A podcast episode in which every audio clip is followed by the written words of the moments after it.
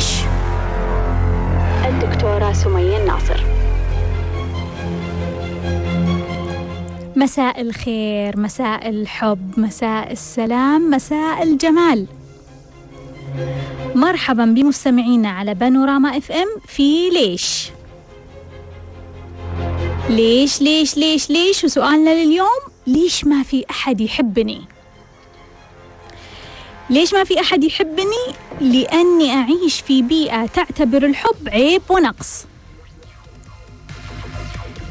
ليش ما في أحد يحبني؟ لأني أعيش في بيئة لا تشبهني.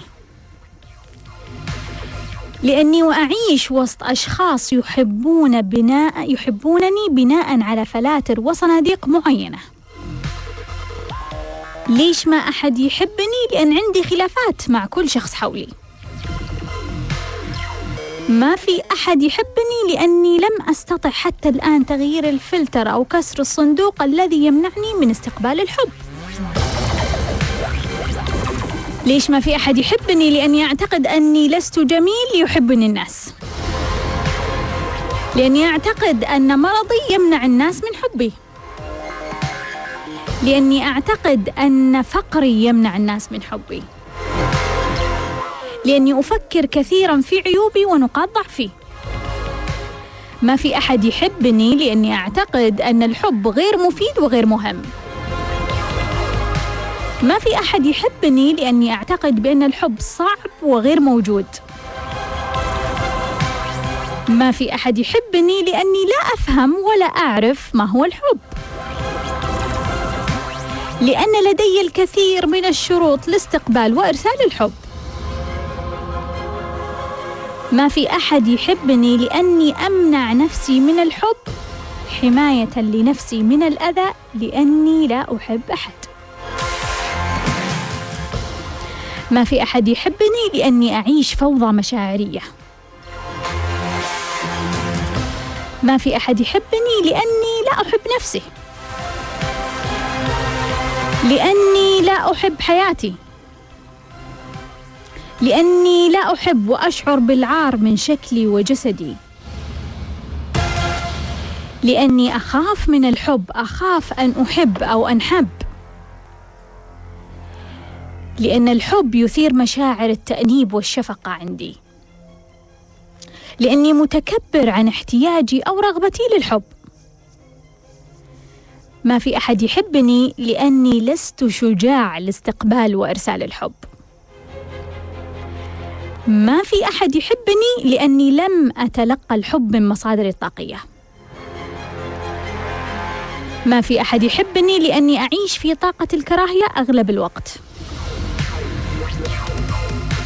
ما في أحد يحبني لأني أعيش وسط طاقة سلبية أغلب الوقت.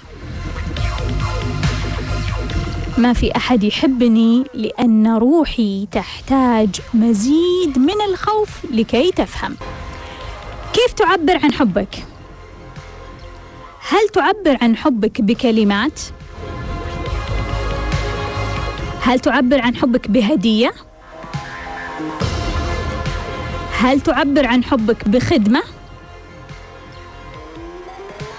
هل تعبر عن حبك بشعور فقط كامن في قلبك؟ ترى والله ما نعرف. إذا أنت تحتفظ بالحب في قلبك وشعورك وداخلك ترى ما في أحد يعرف. ما في أحد يعرف. وما هو تعبير الحب اللي تبغى يوصلك من الآخرين؟ تبغى الناس يهتمون فيك ولا راح تتضايق؟ تبغى أحد يرسل لك هدية ولا تتضايق؟ تبغى أحد يقدم لك خدمة ولا بتتضايق؟ تبغى أحد يقول لك كلام حلو ولا بتتضايق؟ شفت مشهد واحدة من البنات كانت ترسل طوال الوقت حب حب حب حب واللي أمامها ترسل لها كراهية دائما تعبر عن أنها هي لا تستقبل هذا الحب ولا تتقبل هذا الحب. لما سألتها قلت لها ليش؟ ليش ردة فعلك بهذا العنف؟ يعني حرام هذه ترسل لك حب. قالت هذه تمثل هذه نصابة. متخيل أنه في ناس يشعرون أنه أي شعور حب أي كلمة حب هي تمثيل هي نصب هي مش حقيقة هي لأهداف هي لغرض هي قاعدة تسوي كذا عشان توصل لفكرة معينة توصل لنتيجة معينة. أنا راح أعلمها أنه أنا عارفة هذا الشيء. وخلونا ناخذ اتصال. مرحبا. مرحبا. يا مساء الحب. بهالموضوع الجميل أبغى أقول لك يا دكتورة إحنا مرة نحبك يا حبيبتي. ممتنين لوجودك حبيبة قلبي مين معاي؟ معاكي سارة هذه ثاني مرة أطلع معاكي في هالشهر وأعتبر نفسي إني محظوظة. حبيبة قلبي سارة شرفتيني. سمي آمري. طيب الحين دكتورة عندي سؤال آه إنه كيف آه كيف أتقبل؟ يعني أنا الحين طلع الهدف الذهبي عندي إنه آه أنظف تنظيف. طيب ممتاز. وصلت يعني أنا الحين قاعدة تقريبا أسبوعين قاعدة أطلع كل المعتقدات اللي عندي. في أشياء كثيرة يعني إيش كيف أتقبل؟ يعني okay عرفت الأشياء وعرفت ال weaknesses اللي عندي بس ماني قادره أتقبلها. مم. أقول okay تقبلتها بس ما أدري هل أسوي تأمل أو ما قصدك تقبل إيش؟ تقبل أشخاص أو أشياء أو تقبل نفسك أو نقاط ضعفك؟ تقبل عيوب تقبل عيوب وتقبل الوضع. آه الوضع اللي أنت فيه. الوضع اللي أنا فيه. مم. يعني أبغى أكون أحاول إني أشوفه يعني بحب أكثر مم. الوضع اللي أنا فيه. إيه فهمتك. والسؤال الثاني دكتورة أنا أتوقع إني في مرحلة الشجاعة بس مو متأكدة كيف أقدر أعرف أنا في أي مرحلة؟ امم طيب أقول لك. حبيبتي سارة. شرفتيني. حبيبتي أهلا وسهلا. وناخذ اتصال مرحبا. يا هلا دكتور السلام عليكم. وعليكم السلام. أهلا وسهلا. من معاي؟ كيف حالك؟ دكتور سمية؟ يوسف يوسف يعقوب. أنا اللي أهلا وسهلا يوسف. كيف حالك؟ الحمد لله دكتور. كيف حالك؟ طيب إن شاء الله. الحمد لله بخير. شرفتني المرة الثانية ها؟ أيوه دكتور. علي علي والله اشرفني لي دكتور. الله ها بشر. إن شاء الله حركت موضوعك وسويت شيء في هذا المجال. والله والله والله دكتور نفس الوضع. يعني في واحدة تحبني إيه. وأنا والناس والله ما أقدر يعني يعني ما أقدر كيف بصراحة يعني. صديتها؟ بعبر مشاعري ها؟ صديتها؟ رفضتها؟ إيوه دكتور ما أدري ما أدري كيف أنا بصراحة يعني أعبر عن مشاعري حبي لها. يعني هي يعني موظفه عندي. امم تمام؟ يعني أجيب لي هدايا وأجيب لي يعني تكتب لي جنب رسائل رسائل بس أنا يعني أبغى يعني ما أدري يعني يعني أحبها بس يعني ما أدري كيف أقول لها بصراحة. أنا أنا يعني عندي راشة من هذا الشيء دكتورة. يعني ما أبغى منك يعني والله الحل يا دكتورة. يعني طيب. يعني خلاص يا يوسف أعطيك خطوات. الله يعطيك دكتور شكرا, شكرا يا يوسف شرفتني. وناخذ اتصال. مرحبا. مرحبا. أهلا وسهلا مين معاي؟ معاكي إيمان. أهلا وسهلا إيمان. حبيبتي شرفتيني. هلا فيك. تسمعيني من التليفون؟ أيوه أيوه. إي تفضلي. معك إيمان. إيه؟ حابة أكلمك في موضوع أنت تناقشتي معانا في ثلاث مواضيع. إيه؟ الموضوع الأول ليش حياتنا فيضوية؟ إيه؟ وثاني حاجة ليش إحنا مو صريحين مع بعض؟ امم وثالث حاجة هي الحب. امم كل هذا بقول إنه المجتمع اللي إحنا فيه ما بيح ما بيتقبل الصراحة. المجتمع ما يتقبل الصراحة. أنت تتقبلينها؟ المشكلة هذا الشيء اللي متعبني. إني صريحة يعني في أي شيء كنت مسويته غلط أو مو غلط صريحة. مم. يعني الطرف اللي قدامي ما بيتقبل لازم تلفي وتدوري. يعني كيف أتعايش مع المجتمع هذا؟ إيه. امم يضايقك هذا ها؟ مرة مرة مرة بيضايقني لأن الناس كل كل ما أطلب نصيحة أحد يقول لي لا آه الزمن هذا ما لازم تعيشي به بالوضع هذا الزمن هذا ما لازم تعيشي به بالوضع هذا. أوكي م. كيف أعيش؟ أخسر نفسي علشان أتعايش مع المجتمع؟ امم فهمتك. فهمتك يعني, يعني انت وصلتي لمرحلة إنك تسألي نفسي هل أخسر نفسي عشان أتعايش مع الناس؟ أيوه صح. مم. هل اخسر نفسي وأخسر مبادئي وأخسر إنسانيتي وأخسر ثقتي في نفسي علشان أنا أكذب وعلشان أوصل أنا المستوى اللي أنا عايشاه أو عشان أوصل حاجة أنا اريدها هل هذا صحيح؟ امم أقول لك يا إيمان. أقول لك حبيبتي شرفتيني. شكرا جزيلا. لي. لي الشرف يا دكتورة لي الشرف. وسهلا. جد لي ثلاث أيام وأنا حابة أتواصل معاكي وما عرفت كيف أتواصل معاكي يا حبيبتي. شرفتيني إيمان حبيبة قلبي. شكرا جزيلا. لي- ناخذ اتصال مرحبا. السلام عليكم. وعليكم السلام. أهلا وسهلا مين معاي؟ مساء الخير دكتورة معك محمد. أهلا وسهلا يا محمد شرفتني. الله يسلمك يا دكتورة نحن لنا الشرف والله. تفضل يا محمد. الله يسلمك. دكتورة بسأل أنا كان عندي علاقة مع آه، واحدة. امم وكنا واصلين مرحلة خلاص يعني. الكلام هذا قبل الجامعة يعني. امم فتقابلت برب من من من الوالدة. اللي هي أمك ولا أمها؟ لأمي أنا أمي. امم وهي قريبتنا يعني أمي وأمها أقارب يعني. امم فلما اترفضت بزعل من السبب أمي بتقول لي أنا حاجات أعرفها أنا وبت ما توضح لي. آه. و... يعني هي عندها سبب بس ما قالت لك السبب. أيوه بت قدر ما حاولت تقول لي لا. خليها أنا الحاجات أعرفها أنا. امم آه، فالنهاية وصلت لمرحله يعني أنا كنت مصر لدرجة إن هي قالت لي أنا يا هي. أوف. و- فانا عملت إيش يعني؟ صرت الوالدة يعني وقفت بجانب الوالدة. امم وتر- وتركت البنت. امم ومن تركت البنت للحين أنا مش قادر أدخل في علاقات وحتى في كثير من ال- يعني البنات بيجوا عندي وبحاول ما بحاول أرفض البرنامج كده. وحتى الخيارات اللي جابوها الأهل رفضتها. امم أنت زعلان؟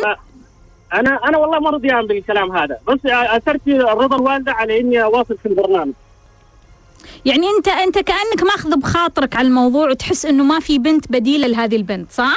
اي أي. امم وهي زعلانة ولا خلاص تقبلت الموضوع؟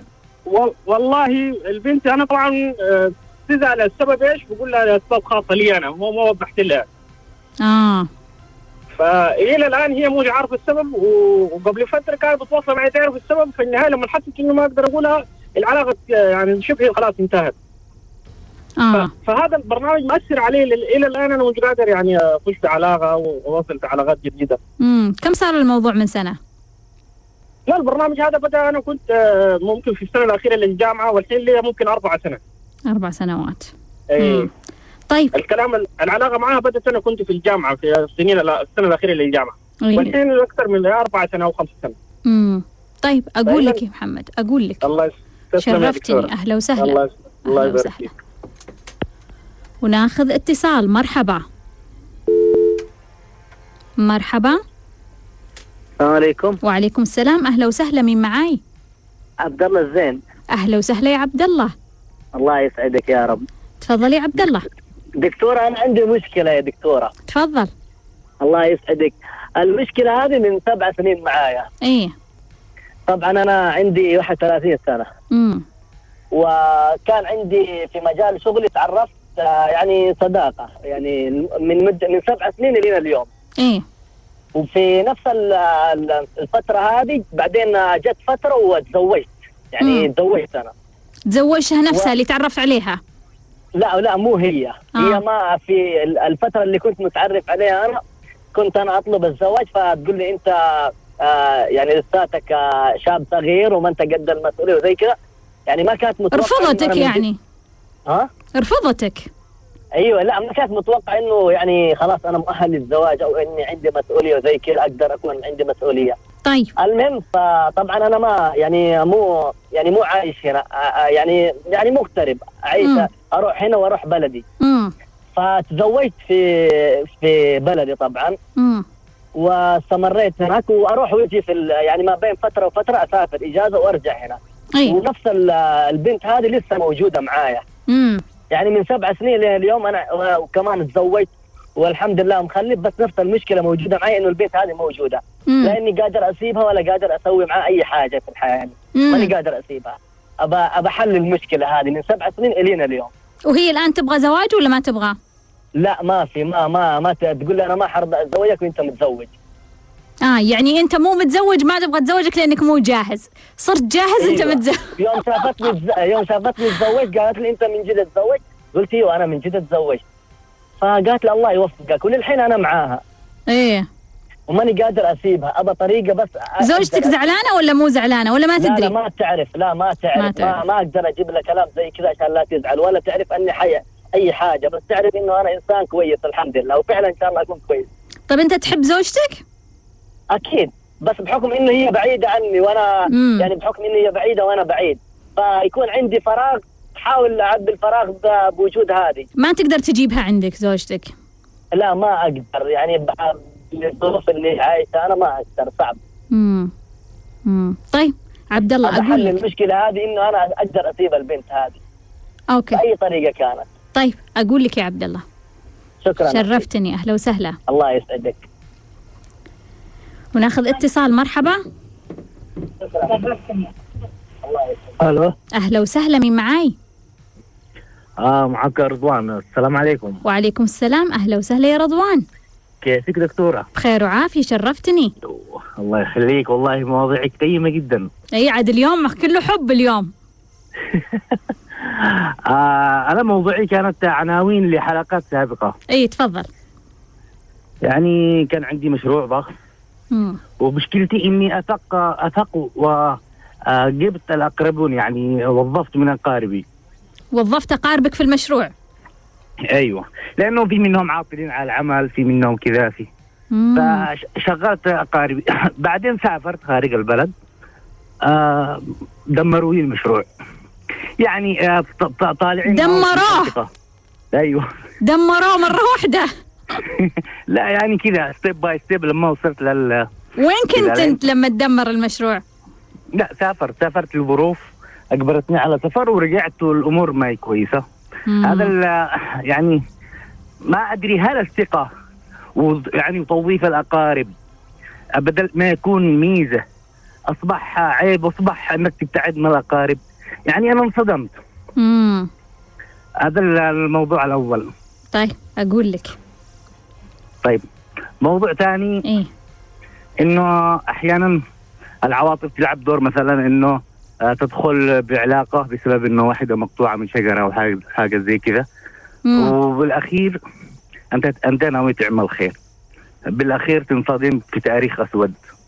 فأنا مشكلتي مع الثقة ومشكلتي مع الطيبة لا المطلقة- فه... المطلقة فهمني يعني. هذه فهمني موضوع مقطوع من شجرة كيف؟ تعرفت على واحدة مم. وكانت آه، يعني كانت يعني مسكينة يعني مقطوعة من شجره بس كانت مستواها كويس. يتيمة وكان- قصدك. ها يتيمة. اي يتيمة طيب. وبس كان معاه أخ واخ يضطهدها وبعدين تزوجت فيها. زوجتها أيوه. مم. عطف. يعني ورحمة فيها ولا إيش؟ عطف ورحمة فيها. مم. وبالأخير حصلت على مشاكل كبيرة. برضه هذه اللي كنت أعتبرها ميزة. صارت لي عيب عثرت لي وعملت لي مشاكل في حياتي وحاجة زي كذا. يعني أنت تزوجتها بقصد إنك أنت يعني تعطف عليها وتحسن حياتها بس انقلب الموضوع عليك. أيوه أيوه مم. بالضبط كذا. طيب أقول لك يا رضوان شرفتني. شكرا جزيلا. أهلا وسهلا.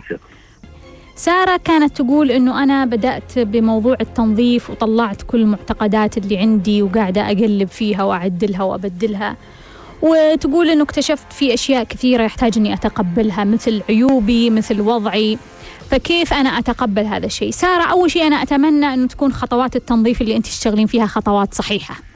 لأنه مش كل تنظيف يسير بطريقة صحيحة، مش كل تنظيف، يعني لما أنا أروح لخطوة رقم عشرة وأشتغل عليها. بينما أنا ما سويت خطوة رقم واحد فأنا أربك نفسي. فمهم أنه أنت تكوني ماشية في برنامج جيد عشان أنت تعرفين الطريق اللي أنت تمشين فيه.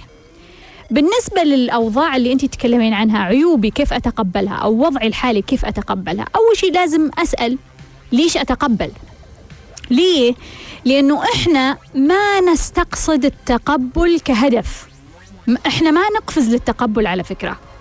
يعني التقبل هو مو مو مو أول باب. التقبل هذا مو على طول نحن نركض نتقبل لا. لا إحنا عندنا خيار إنه نصحح نعدل. يمكن ما أقدر أعدل 100% يمكن أقدر أعدل 50% يمكن أقدر أعدل 10% فما يصير إنه إحنا يعني يعني أسئلتك بالنسبة لي سارة تدل إنه انت ماسكة خط غلط. مو فاهمة بالضبط إحنا كيف طريقة تنظيمنا وترتيبنا لدماغنا والفكرة التنظيف. إنه أنا أبدأ في التنظيف أقول يلا ها أنا اكتشفت عندي والله مجموعة كبيرة من المصايب كيف أتقبل مصايبي؟ لا كيف أعدل مصايبي؟ هذا السؤال الأول كيف أعدل مصايبي؟ ليش أتقبل؟ ليش أتقبل؟ كيف أعدل؟ كيف أحسن؟ ما أقدر أعدل كيف أحسن؟ كيف أحسن الوضع شوية طيب؟ ما قدرت؟ أوكي أتقبل. هذه الأشياء اللي أنت تصل لها لحالة التقبل هاي ترى تعتبر قليلة جدا. تعتبر قليلة جدا يعني بالنسبة لوضعك يعني في الغالب وضعك المفروض يتعدل يعني الخارجي يتعدل بنسبة 80 90% عندك 10 إلى 20% هذا تقبل. والتقبل هذا جزء منه خلينا نقول 10% راح يصل للحب. أصلا مرحلة جدا عالية اعلى من التقبل هذه هذه ممكن مستواها أعلى من فكرة التنظيف إنه إحنا نصل لحالة مرتبطة بالرسالة أو مرتبطة بغاية وجود الإنسان. أما عندي جزء كبير من حياتي هو قابل للتعديل هو قابل للتغيير هو قابل للتطوير. بالتالي أو جزء من هروبنا أن إحنا نقول نتقبل جزء كبير من الهروب أن إحنا نقول نتقبل.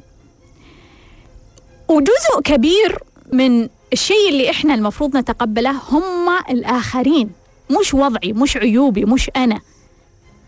يعني الصح أني أنا لما أتعامل مع الآخرين أحط أتقبل رقم واحد. لما أتعامل مع نفسي أحط أتقبل رقم عشرة. شوف الفرق. لما أتعامل مع نفسي ما أركض أتقبل لا. أركض أطور أطور أطور أطور أطور okay ما ضبط الموضوع أتقبل. لما أتعامل مع الآخرين أتقبل رقم واحد. عندي زوج مزعج عندي زوجة مش جيدة عندي أطفال مزعجين عندي أب مش جيد عندي أم مش جيدة. واحد أتقبل. أتقبل كيف؟ إلى أي درجة قدرات أني أتقبل هذا الشخص؟ ليش؟ لأني ما أملك تغيير الناس. ما أملك تغييرهم ولا أستطيع تغييرهم ولا يحق لي تغييرهم. ما يحق لي تغييرهم حتى لو ضغطت عليهم. راح أدمر كثير من الأشياء من حياتي ومن نفسي ومن وقتي عشان أغير الناس. ليش أغير الناس؟ فرقم واحد أني أنا أتقبلهم. أحد الطرق اللي ما أبغاك تسوينها عاجلا يا سارة أبغاك فعلا فعلا تشتغلين على تطوير نفسك مو على التقبل. إنه إحنا نغير زاوية الرؤية وزاوية الرؤية لا تتغير إلا بعد التنظيف. يعني زاوية رؤيتك للحياة. ما نقدر في الغالب نغيرها إلا بعد ما ننظف أنفسنا لأنه أصلا إحنا نطلع من صندوق فكل شيء في الحياة يتغير. نظرتنا لكل شيء في الحياة تتغير بعد التنظيف. بالتالي ما أقدر أنا أقعد في زوجتي وأقول كيف أتقبل؟ لا. كيف أنظف؟ لأنه بعد التنظيف أنا أستطيع أني أنا أتقبل. أستطيع أني أعزز الجوانب الإيجابية في هذا الشيء عشان أنا أتقبل هذا الشيء.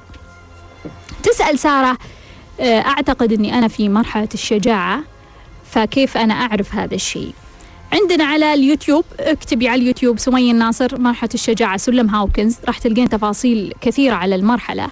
من أهم سمات المرحلة أن الشخص آه، مركز على الأهداف يعمل على الأهداف كثيرا آه، مجتهد يجتهد ولديه طاقة تحصل الطاقة يعني خلنا نقول كل وقته مشغول بالأهداف كل فكره مشغول بالأهداف مشاعره مشغولة بالأهداف أيا كانت هذه الأهداف. بس هو دائما مشغول أنه يحقق هدف بعدين ينتقل للثاني يحقق هدف بعدين ينتقل للثاني.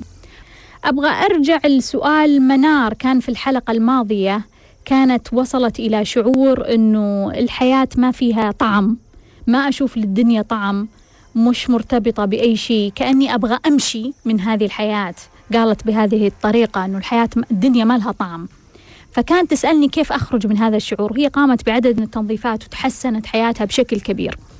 منار أبغاك تسمعيني؟ تقول أحس أنه في ملل وما عندي طاقة.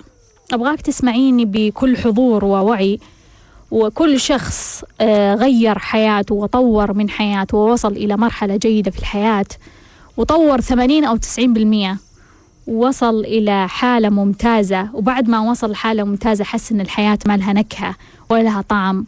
وما في طاقة لهذه الحياة وما في شيء جميل ورائع.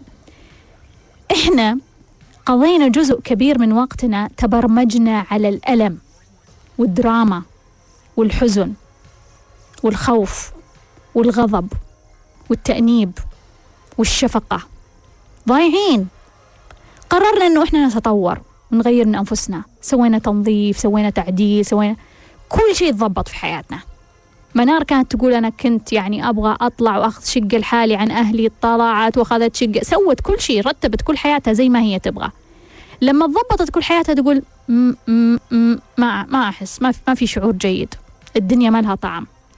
كل البرمجة اللي مريتي فيها برمجة الألم اللي مريتي فيها أنت برمجتي إحساسك.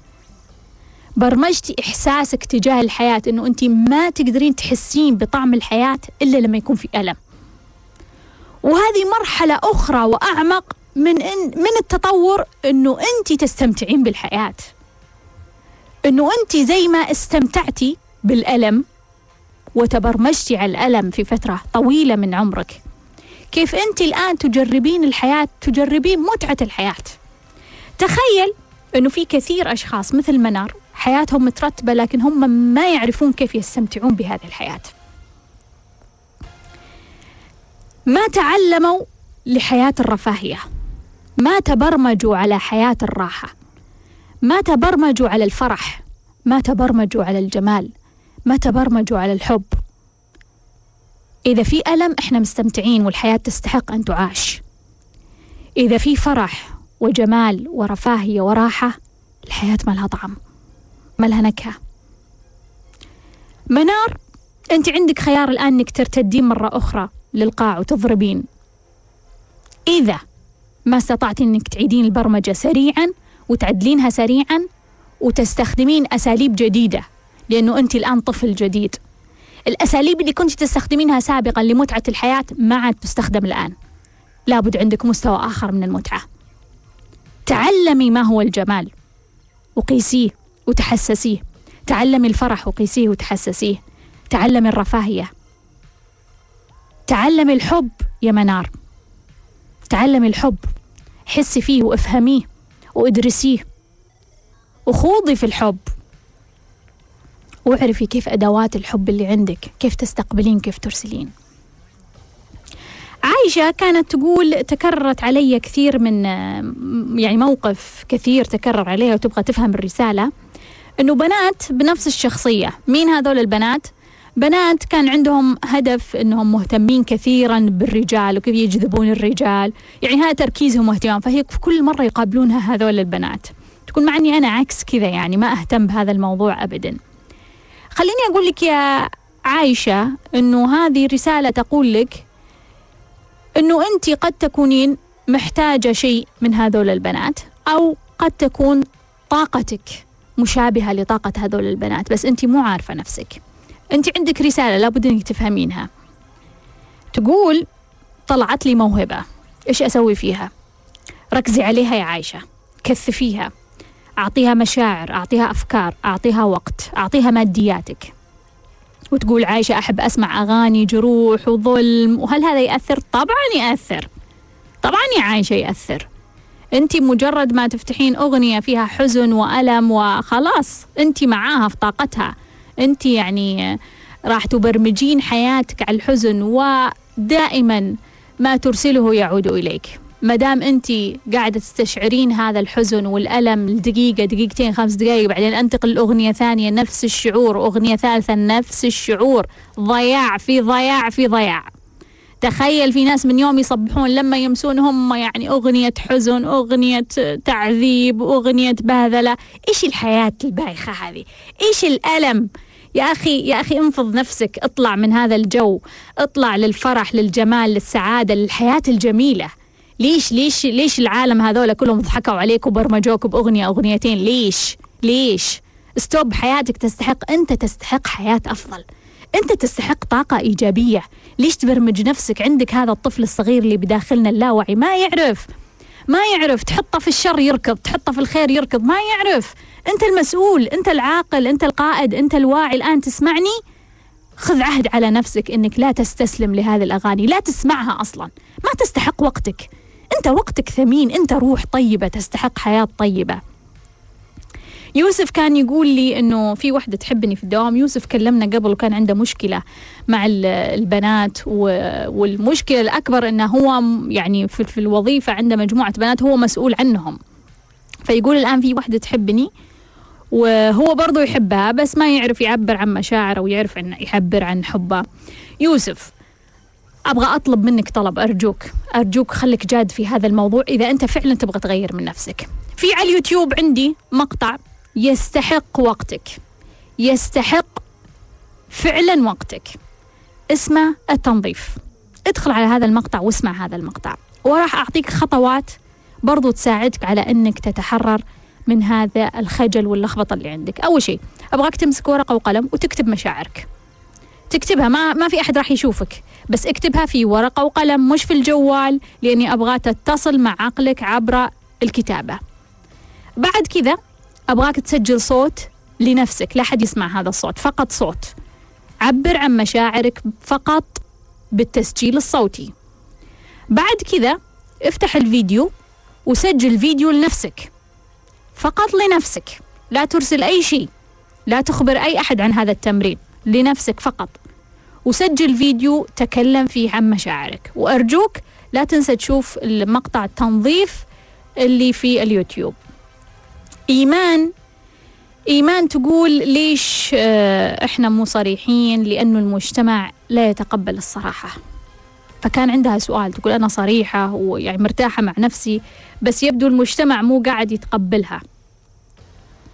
فهي تقول يعني هل أخسر نفسي حتى أتعايش مع الناس؟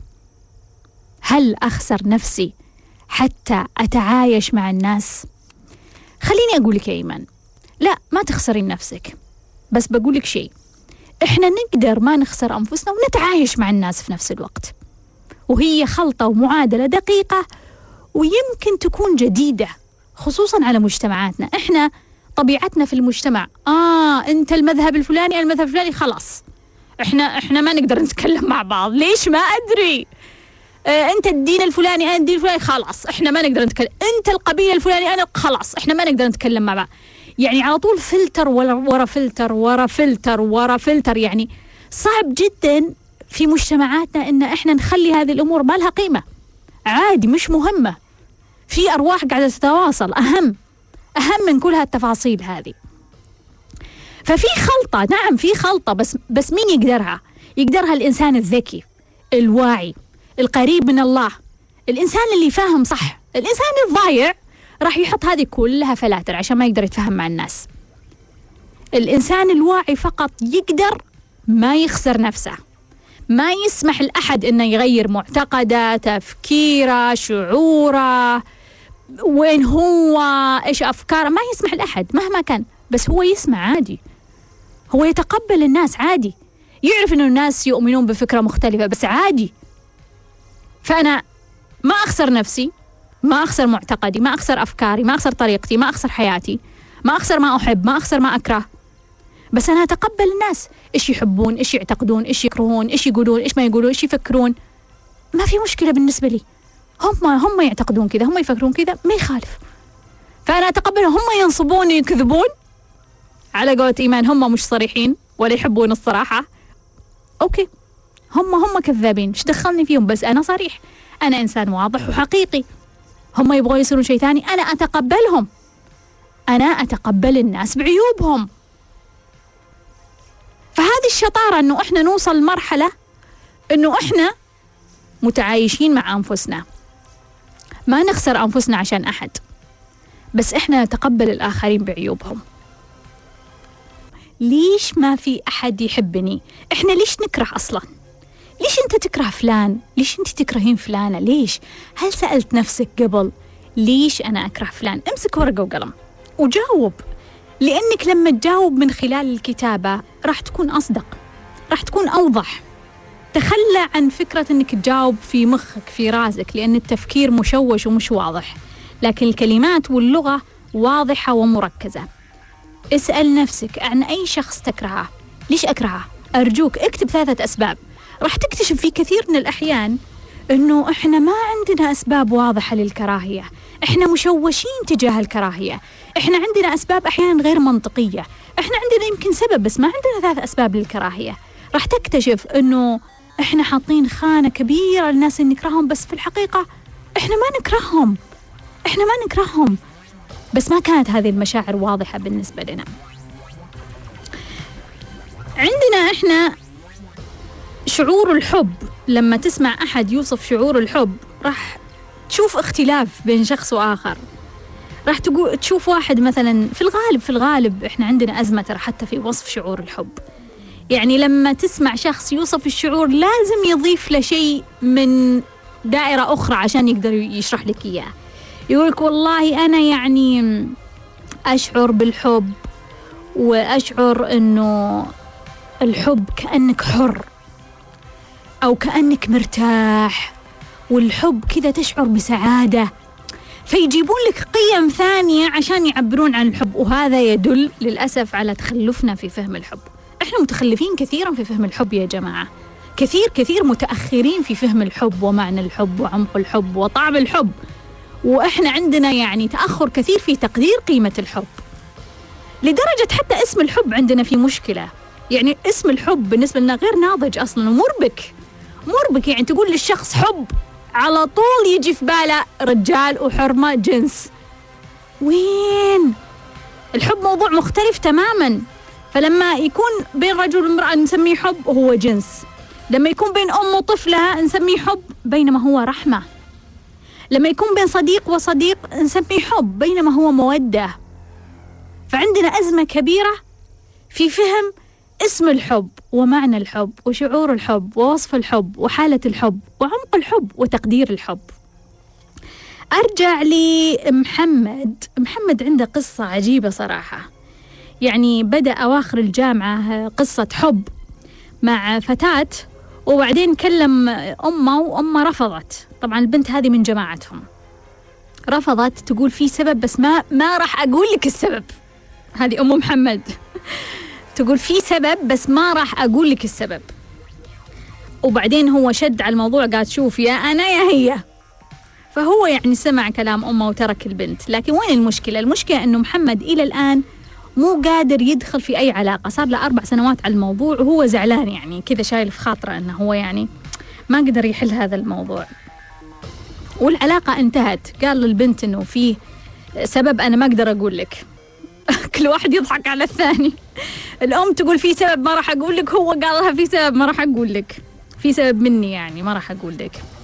المهم البنت أكيد يعني تحترم نفسها ويعني انتهت العلاقة.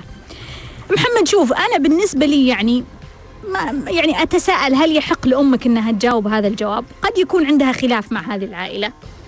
وما تبغى تطلع الخلاف للسطح وما تبغى يعني الموضوع يمتد لأجيال قادمة. لكن هي في نفس الوقت ما تبغى يعني تتزاوج معاهم وتدخل معاهم في في علاقة.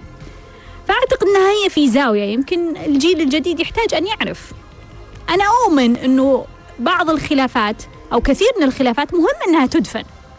مهم أنت اختلفت مع شخص ومو لازم كل جيل يعرف الخلاف مو لازم إحنا نطور هذا الخلاف لكن أحيانا تصير مواقف تحتاج الموقف هو رسالة إنه يحتاج إلى فهم.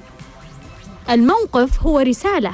يعني إنه الموضوع ما زال ممتد يحتاج إلى فهم فالموضوع ما انتهى أنا أؤمن بفكرة إنه الشخص من الخطأ إنه يعلق ما أحب الشخص العالق في في شيء، العالق في مشاعر، العالق في مشكلة، العالق مع أشخاص.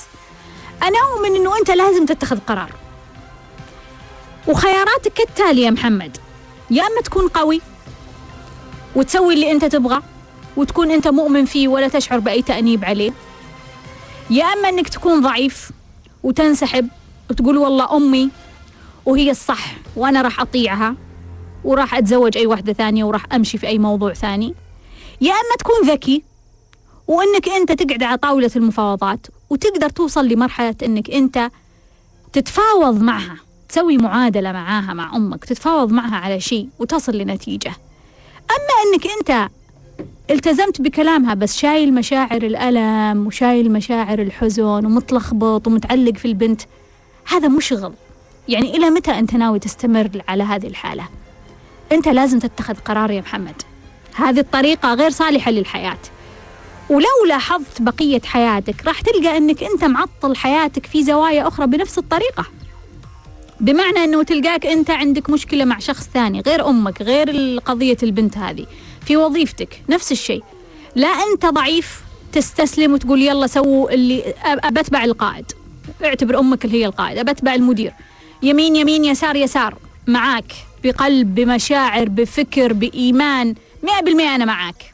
خلاص أنا هذا مكاني أنا هذا مكاني من السلسلة. يا إما أنا قوي وأفرض قوتي يا إما أنا ذكي وأفاوض أو أوصل لنقطة معينة. فلاحظ بقية جوانب حياتك راح تلقى نفس المشكلة ممتدة لجوانب أخرى. فعندك رسالة تقول لك يا محمد حدد موقفك أنت قوي ولا ضعيف ولا ذكي؟ عبد الله مغترب وعمره 31 سنة من سبع سنوات تعرف على واحدة معاه في الشغل على ما يبدو وكانوا على صداقة وبغى يتزوجها. جيد منه أنه هو يعني أخذ الطريق الصحيح لكن هي رفضته تقول أنت مش مستعد للزواج. راح هو رجع البلد وتزوج. ورجع الآن للدوام مرة ثانية. البنت موجودة. فيقول لك ما زلت على علاقة معها فكيف أنا أتركها؟ فيقول أتزوجها يقول أنت تقول له أنت متزوج. عبد الله سامحني. سامحني ما أمتلك إلا أني أضحك على هذه الفتاة النصابة. هذه نصابة خمس نجوم. يعني لما أنت كنت مش متزوج تقول لك أنت مو مستعد. أنت مش مستعد أنت مو جاهز. أنت مو جاهز. طيب جاهز؟ أبغى أتزوج؟ تقول لك لا أنت مو جاهز. طيب تزوج؟ لا لا أنت متزوج. أنت أصلا أصلا هذه البنت أصلا هذه البنت لو طلقت زوجتك فرضا والحمد لله إنه زوجتك جيدة وعلاقتك معها جيدة لو طلقت زوجتك عشان خاطرها وجيت خطبتها وقلت لها يلا أنا ماني متزوج الآن. بتقول لا أنت مطلق. فأنت يعني أنت يعني تورطت بامرأة مخادعة آه، لف ودوران آه، يعني أرجوك أرجوك أرجوك حافظ حافظ على طاقتك حافظ على كارمتك حافظ على نفسك حافظ على شعورك الجيد. المؤسف إني أنا أظن إنها هي يعني راح تستمر تلعب في الموضوع أكثر من كذا. واخشى أنها تتلاعب بمشاعرك. أنت الآن مبسوط طبعا عايش في العسل تقول أوه أوكي أنا حصل حب من هنا. وزوجتي تنتظرني وما تعرف يعني إن شاء الله ما تعرف هي تعرف إني شخص كويس وأنا قاعد أحاول إني أترك هذه العلاقة. أنت جتك كم إشارة الآن؟ جتك إشارتين إنه هذه البنت مش كويسة. إشارة إنها قالت لك رفضتك أول مرة قالت لك أنت مش جاهز. بعدين مرة ثانية قالت لك أنت متزوج. المرة الثالثة راح تكون ضربة على رأسك يا عبد الله. صحيح؟ راح تكون ضربة على راسك. تعرف ليش؟ لأن جتك الرسالة. الشخص اللي جت الرسالة مو زي اللي ما جت الرسالة.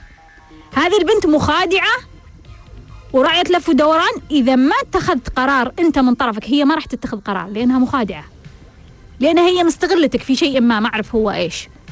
هي ما راح تتخذ موقف. هي عادي راح تخلي الموضوع يستمر. إذا أنت ما اتخذت موقف هي راح تستمر. والنهاية راح تكون مؤلمة لأنها راح تأذي مشاعرك. رضوان يقول إنه هو عنده مشروع. ورضوان يعني يبدو رقيق القلب ورحوم وعطوف فقالك إيش اقاربي ما عندهم وظائف ويعني عندهم عطالة. فوظف أقاربه في المشروع. وبعدين سافر. سافر لظروف قاهرة على ما يبدو وطلع من المشروع. اللي حصل إيش؟ دمروا المشروع يا جماعة. تخيلوا. المشروع تدمر فهو يسأل هل الثقة وتوظيف الأقارب ميزة أو عيب؟ يعني هو قاعد يراجع الموضوع. وبرضه وجد بنت يتيمة وعطف عليها وعندها أخ يعني عنفها وحياتها مش جيدة فعطف عليها. وعطف عليها إيش سوى؟ تزوجها. رحمها يعني وتزوجها. وانقلب الموضوع عليه مشاكل وأزمات ومصايب. فيقول يعني يعني كنت أتوقع أني سويتها ميزة. ف فكأنه الآن صار عيب. فإيش المشكلة؟ رضوان؟ أول شيء أبغى أحييك على طيبة قلبك وعلى يعني نصحك لمن حولك ومحاولتك مساعدتك وإنقاذ الآخرين حولك. رضوان أحب أقول لك إنه الحياة ما تمشي بهالطريقة. الحياة ما تمشي بهالطريقة. يعني أنت أنت راح تدمر نفسك بهذه الطريقة. الحياة ما تسير بهذه الطريقة. في شخص يحتاج مساعدة ما يحتاج تعلقه فوق راسك. شخص يحتاج مساعدة لا تتورط فيه. شخص يحتاج مساعدة ساعدة. رسالة تقول لك أنه العطف والرحمة ومساعدة الآخرين لا تتطلب إيذاء نفسي. أي عطف ومساعدة ورحمة للآخرين فيها إيذاء النفسي معناها هي غلط. حتما هي غلط. يعني أقارب محتاجينك ساعدهم. دبر لهم وظيفة في مكان. لأنه لما أنت تشغلهم عندك من المحتمل من المحتمل إنه يشوفون إنه أو okay إحنا يعني لو نخطي okay. ما راح يعني يعاقبنا رضوان لأنه هو يعني واحد من من ربعنا من جماعتنا من العائلة. ما راح يسيء لنا وأنت نفس الشيء راح يكون من الصعب عليك معاقبة واحد من أفراد عائلتك. لو أخطأ هذا الموظف عندك وكان من أفراد عائلتك كيف بتعاقبه؟ كيف بتعاقبه؟ صعب جدا. لكن لو صار مش مش من أفراد عائلتك بتعاقبه لأنه أخطأ ويستحق العقاب. فبالتالي يجب أن تنتبه لهذه النقطة إنه أنت ما تقدر تعاقب أفراد عائلتك. فيفضل إنك ما تشغلهم عندك. أنت شفت اليتيمة هذه؟ طب ساعدها. ليش تتزوجها؟ ليش تاخذ هالخطوة وتقفز لهذه الخطوة وتقول آه أوكي خلاص أنا أتزوجها عشان أنقذها من الموقف؟ لا ساعدها. يمكن تحتاج مساعدة مالية يمكن تحتاج مساعدة أنك تجد لها مكان تعيش فيه تبتعد عن هذا الأخ الشرير أو المعنف. أعتقد يا رضوان أنه أنت عندك رسالة تقول لك العطاء لا يعني إيذاء النفس. العطاء لا يعني إيذاء النفس.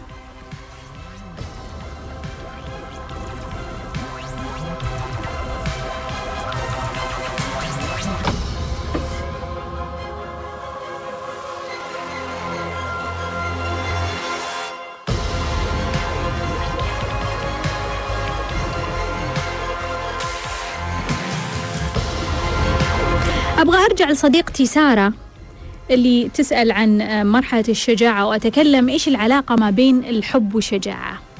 الأشخاص اللي على مرحلة الشجاعة هم يحبون الإنجاز وهذا هو مصدر القوة عندهم إنهم هم يعتبرون الحياة عبارة عن إنجازات كأنها أوسمة أو شهادات.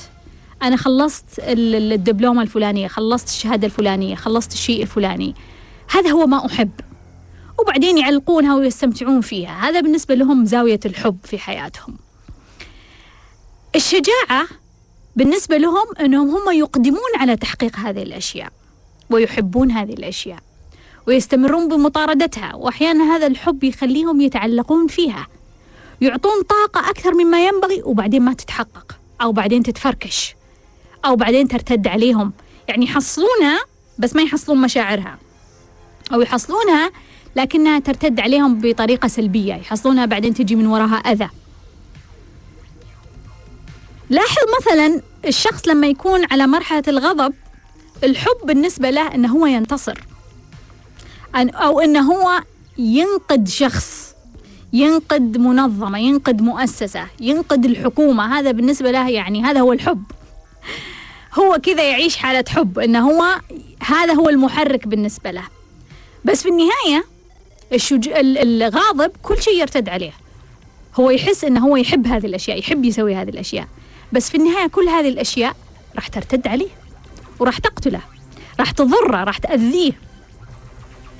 الشخص الخائف يحب إنه هو يحافظ على درجة من الأمان. بس هو أبعد شخص عن الأمان. بس هو يحب الأمان. يحب يقعد في الزاويه اللي دايم يقعد فيها. يحب الأشخاص اللي دايم حوله. ما يحب أشخاص جدد أشكال جدد. ما يحب يجرب شيء جديد. دائرة جديدة فكرة جديدة معتقد جديد مستوى جديد. يحب دائما يحافظ على درجة الأمان بأنه هو الحياة دائما تشبه الماضي. ما في حياة جديدة. ما في حياة ما يعرفها لأن إذا ما عرفها فهي مش آمنة.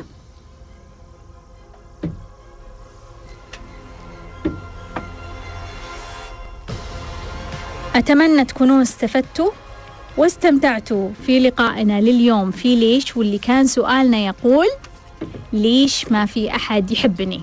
وتذكروا الدنيا خضرة حلوة. إلى اللقاء.